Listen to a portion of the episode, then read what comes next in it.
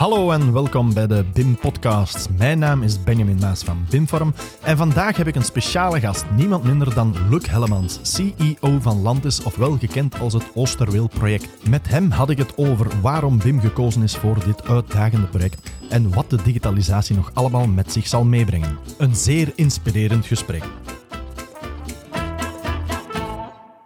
Dag meneer Hellemans, of mag ik Luc zeggen? Zegt u maar, Luc. Luc? Luc, Ja. oké, dank u, Luc. Luc Hellemans, CEO van Landis. Ik kan heel veel zeggen over uw historie, maar ik zou graag hebben dat je dat even eh, zelf aan onze luisteraars toelicht. Van wie is Luc Hellemans? Heel kort, eh laat ons zeggen, ehm, vader van drie kinderen, eh, 25 jaar actief en het geluk gehad om eh, zo alle kanten van een infrastructuurproject te kunnen bekijken, hè, zo aan de bouwheerzijde als aan de aannemerszijde als aan de consultancyzijde. Daar heb ik wel het langst in gewerkt. En eigenlijk een beetje begeesterd door eh, infrastructuur als hefboom om aan samenlevingsopbouw te doen. En dat heeft mij ook gedreven naar dit project terug. Dat, zo zou je het in een nutshell kunnen omschrijven. Ja. Dus ja, en na de laatste vijf jaar voor land is gaan werken, eh, om aan de Oosterweel te bouwen, met de rotsvaste overtuiging dat we daar iets in en iets goeds doen, dat we eh, onze stad en onze regio terug kunnen doen floreren, dat dat echt wel, dat dat met dit project als hefboom kan gebeuren. En ja, noem het mijn, eh, mijn midlife, hè. het is mijn midlife crisis. Dit is uw midlife eh, Ja, geen motto, geen nieuwe partner, maar, maar werken aan Oosterweel, werken voor de overheid. werken voor de overheid Oosterweelverbinding. Ehm, in 2002 BAM, eh, beheersmaatschappij Antwerpen Mobiel. In 2019 overgegaan naar Landis. En wat mij daar opviel was eh, leefbaar Antwerpen door innovatie en samenwerking. Ik denk dat er niet veel mensen zijn die dat weten, dat het daarvoor staat.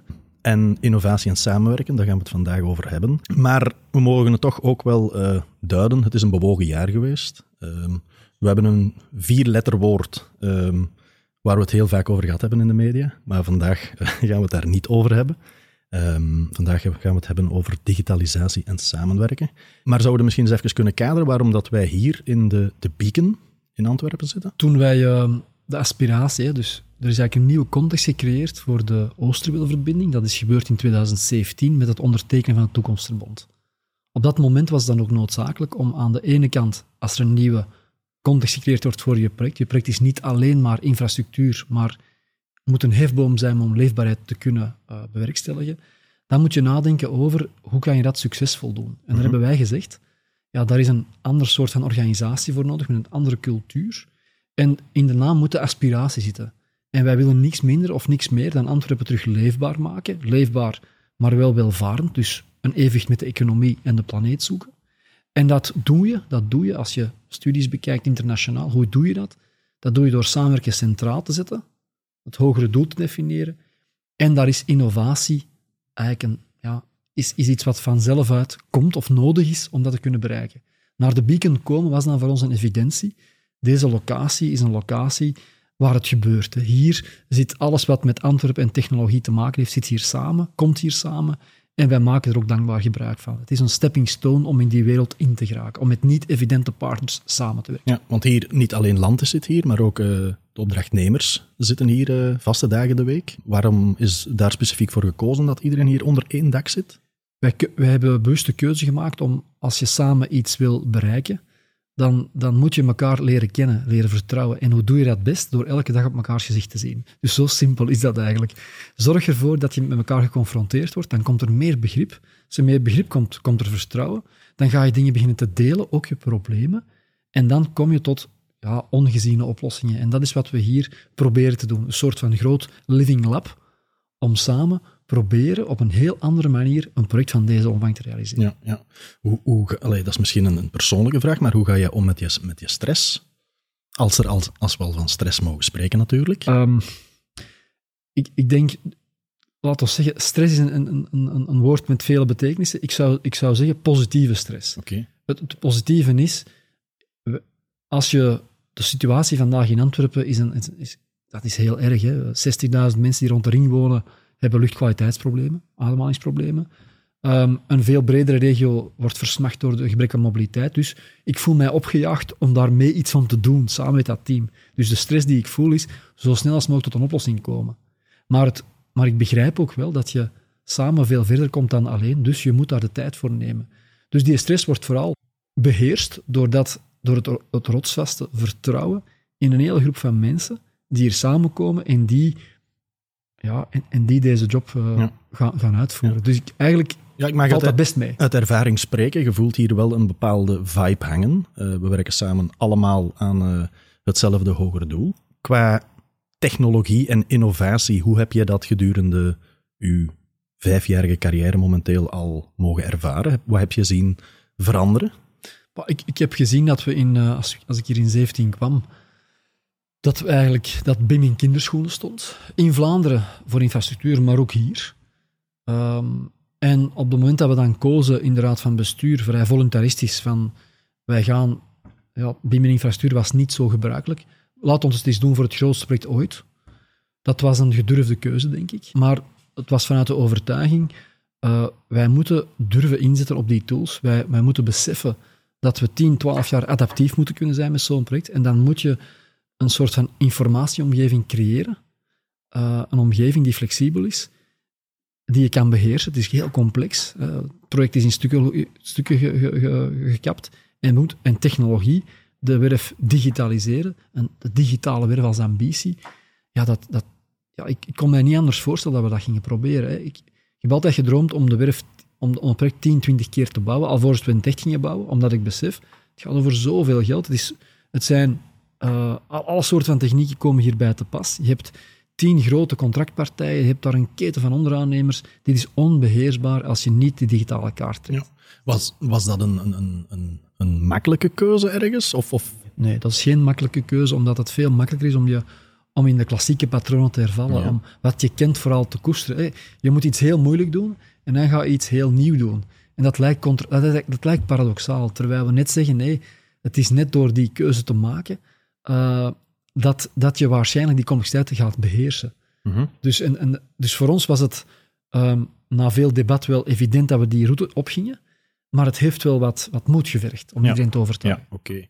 Okay. Um, dus we zijn nu vijf jaar verder. Um, waar liggen op dit ogenblik volgens jou de uitdagingen? Ik denk dat de grote accenten ligt op... Uh, als ik kijk naar, naar de bouwfase, dan zeg ik dat we samen met de aannemers uh, als ik op vlak van digitalisatie, dat we al een hele stap samengezet hebben. Uh, we hebben ook in Vlaanderen al een hele stap gezet, waardoor we met heel veel partijen dezelfde taal spreken. Dat, daar zijn we in geslaagd, hè. De, de OTL, de BIM-OTL. Ja. Daar zijn we in geslaagd voor infrastructuur. Dus we hebben een gemeenschappelijke taal.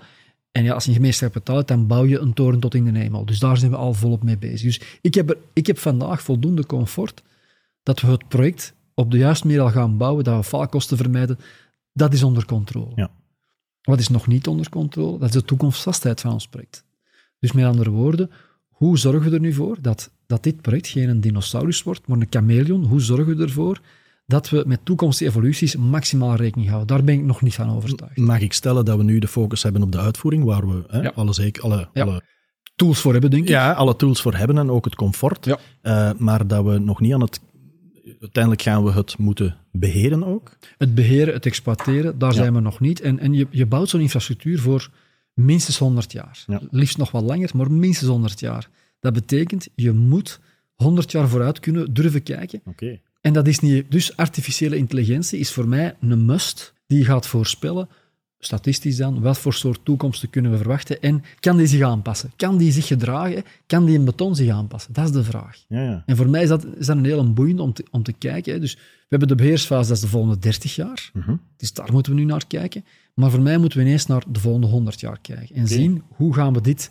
En dan heb je ja, een digitale tweeling nodig. Ja. Maar niet alleen dat, je hebt ook artificiële intelligentie nodig. Je hebt de noodzaak om vanuit alle informatie op het internet beschikbaar te gaan zoeken met real data die je live, live inleest om te kijken, ja, hoe kunnen we nu die flexibiliteit in die constructie ten allen tijde houden.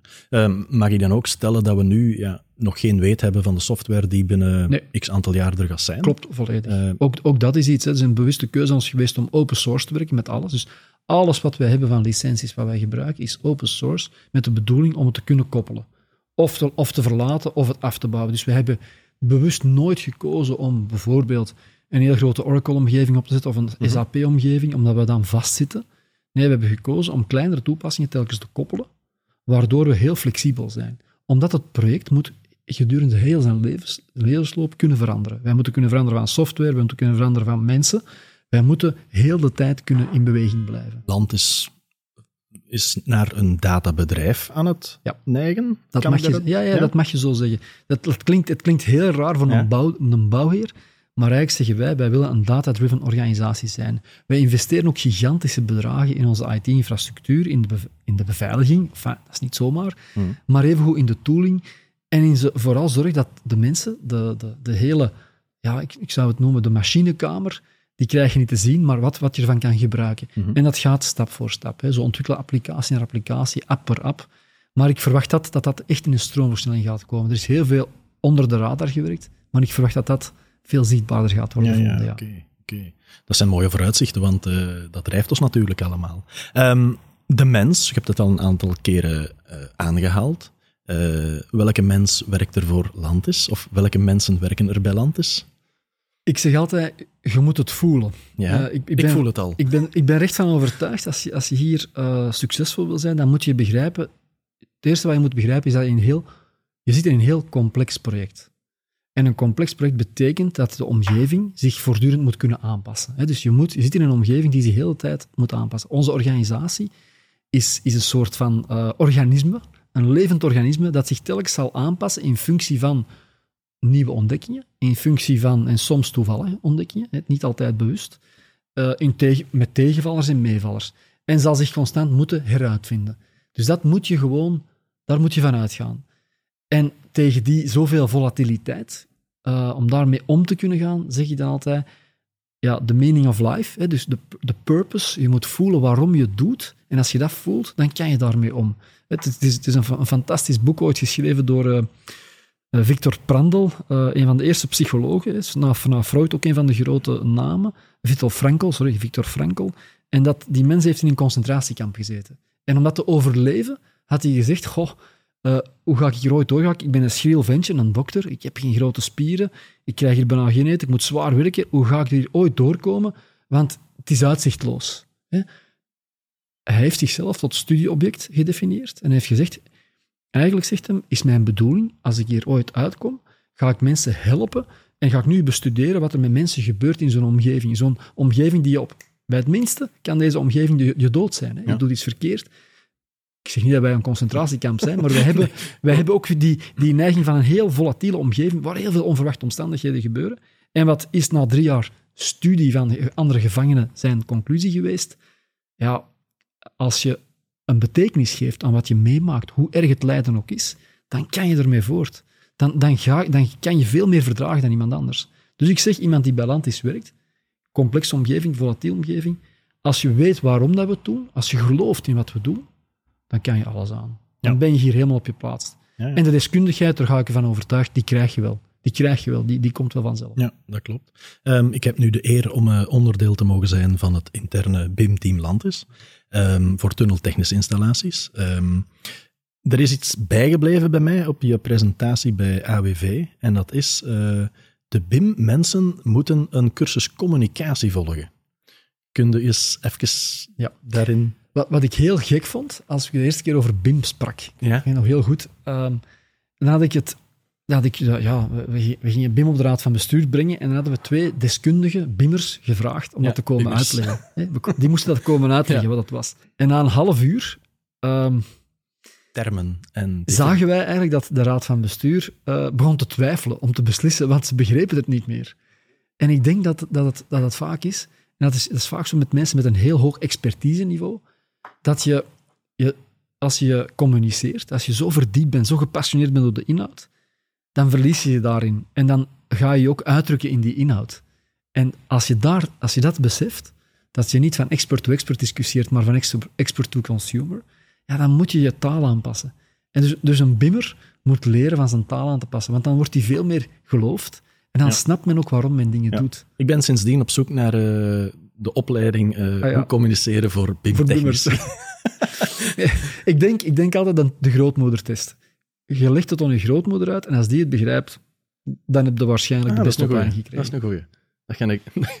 dat ga ik eh, Mag ook uw moeder zijn. ja, ja, ja, dat ga ik van het weekend eens proberen. Nee, ehm, mensen, ja, ehm, hogescholen, zijn die, universiteiten, zijn die betrokken bij heel het Oosterweel? Uh, wij hebben vandaag nog een hele weg af te gaan met academische instellingen, met hogeschool universiteit. Dus wij moeten daar nog samenwerkingen mee zoeken, omdat ook een, een, het is een, het is een labo, het is eigenlijk een speeltuin voor ingenieurs of toekomstige ingenieurs, maar ook andere hoger opgeleiden. Ook voor antropologen, wat mij betreft. Dus hier is wel wat te beleven, hè, als je dat uh, zo bekijkt. Uh, en dat, is, dat zit eigenlijk mee in ons programma. Um, werfburen, uh, of, of, of, of, noem het eerder uh, dat innovatieve. Wij, wij zijn op zoek voortdurend naar samenwerking. En zo hebben we nu onlangs met uh, een uitgeverij een samenwerking gesloten, uitgeverij Zwijze, waar voor 300 scholen hier in de buurt, dus 300 Antwerpse scholen, gaan we een wetenschapsbundeltje maken over Oosterweel. Waardoor die kinderen in de, in de proefweek wetenschappen, of, of ja, dat noemen ze tegenwoordig wereldoriëntatie, eigenlijk geconfronteerd worden met een onderwerp van eigen bodem. En waardoor we hopen ze zo te inspireren om ja, naar stemrichtingen te gaan. Maar ook vooral uh, in hun omgeving gebeurt er iets heel, heel speciaals en ze zijn daar deel van. En dat we misschien ook de discussies krijgen tussen de ouders en tussen de kinderen zelf over dit project aan zich. We moeten proberen de bevolking te mobiliseren en de, kennis, de kennisinstellingen moeten we de kans geven om ook eh, de, de, ja, de ingenieurs van de toekomst of de BIM-managers van de toekomst klaar te stomen. Uh, omdat ik denk dat technologie zal altijd een deel uitmaken van ons toekomstig leven. En op een, een project als dit is gewoon een geweldige opportuniteit om, om, om ja, een versnelling te geven. Dat, zo moet je dat zien. Dus daar hebben wij nog een, een stap te, te zetten. Ja, Want Oosterweel is, is er in, in Europa een soortgelijk uh, project van deze omvang reeds als voorbeeld bijvoorbeeld, waar we kunnen naar kijken? Want... Ik denk dat... Uh, ik heb zelf actief geweest in de Metro de Grand Paris in, uh, in Parijs. Waar je natuurlijk de, een bepaalde complexiteit hebt hè, met die metrotunnels, maar toch minder met de omgeving rekening moet houden. Het zit allemaal onder de grond en het zit heel diep onder de grond en je hebt eigenlijk weinig dat je boven komt. Dus de bewoners hebben er in C weinig last van, buiten de pendelaars.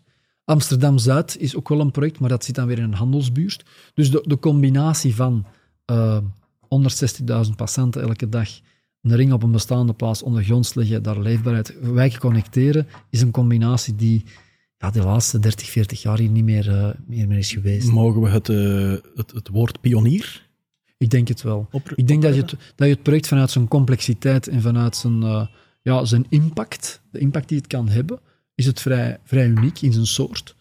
Um, en ook, het is ook wel vrij uniek dat het, dat het vandaag gebeurt in samenwerking, in co-creatie met ja, duizenden en duizenden buurtbewoners. Dat is ook vrij uniek om, om zoiets aan te durven.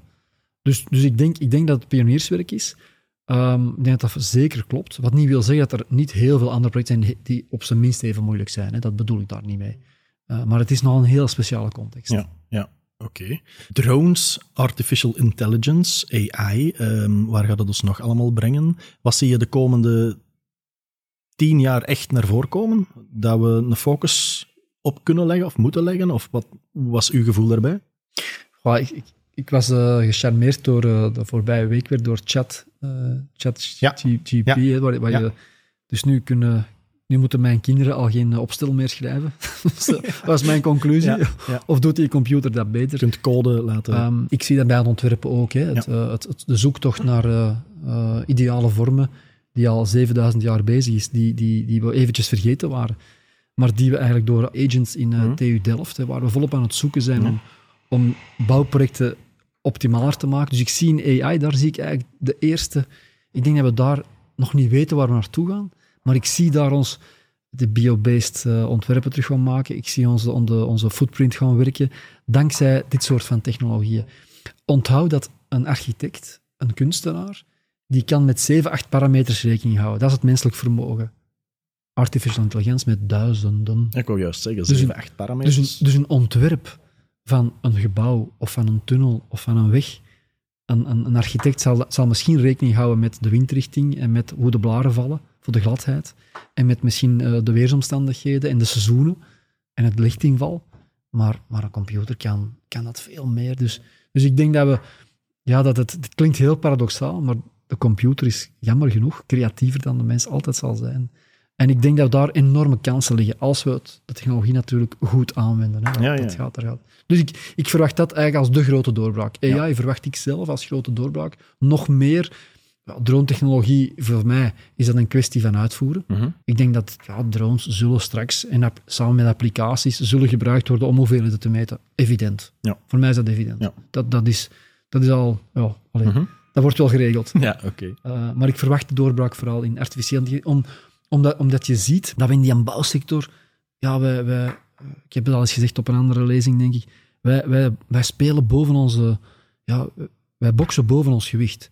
We gebruiken voor 12% van de wereldwijde omzet of economische activiteit gebruiken we 40% van alle energie, 30% geproduceerde energie, 30% van alle natuurlijke rijkdommen. Ja, wij moeten daar iets mee doen. Mhm. Want dat is niet... Als die wereldbevolking blijft groeien aan dit tempo... Ja, op dit moment wordt er elke maand wordt New York City bijgebouwd. Dan voel je dat als we daar niks aan gaan doen, ja, dan putten wij, dan zijn wij verantwoordelijk straks dat de mensen een hogere energiefactuur hebben. En, en, en voor heel die afvalketen. Dus ook daar is die artificiële intelligentie, of die intelligentie voor nodig. En BIM is eigenlijk zo'n beetje, het ja, begint daar naar te neigen. Dat vind ik... Ja. ik, ik heb, Materialenpaspoort. ja, ik, ik, je voelt dat gewoon, dat dat, dat, dat daar inherent in zit en dat dat ergens naartoe gaat Mhm. waar, we, waar we vandaag nog niet goed van weten waar het gaat landen, Ja. maar, het, maar het, het- die weg is ingezet. We moeten vooral benieuwd blijven en, gelijk ze in de campen zeggen, curieus. Ehm, Curieus.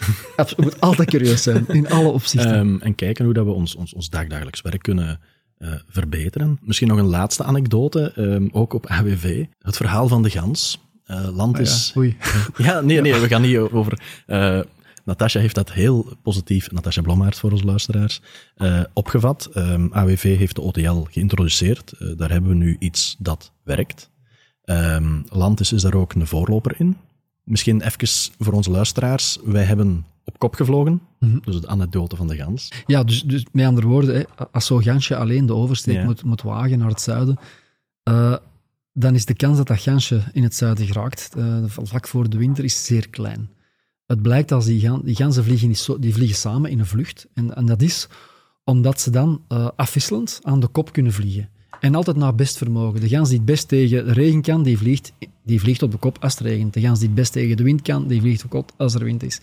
En eigenlijk vliegen die ganzen dan samen 70% verder. Met andere woorden, de kans op om je bestemming te bereiken wordt zoveel groter.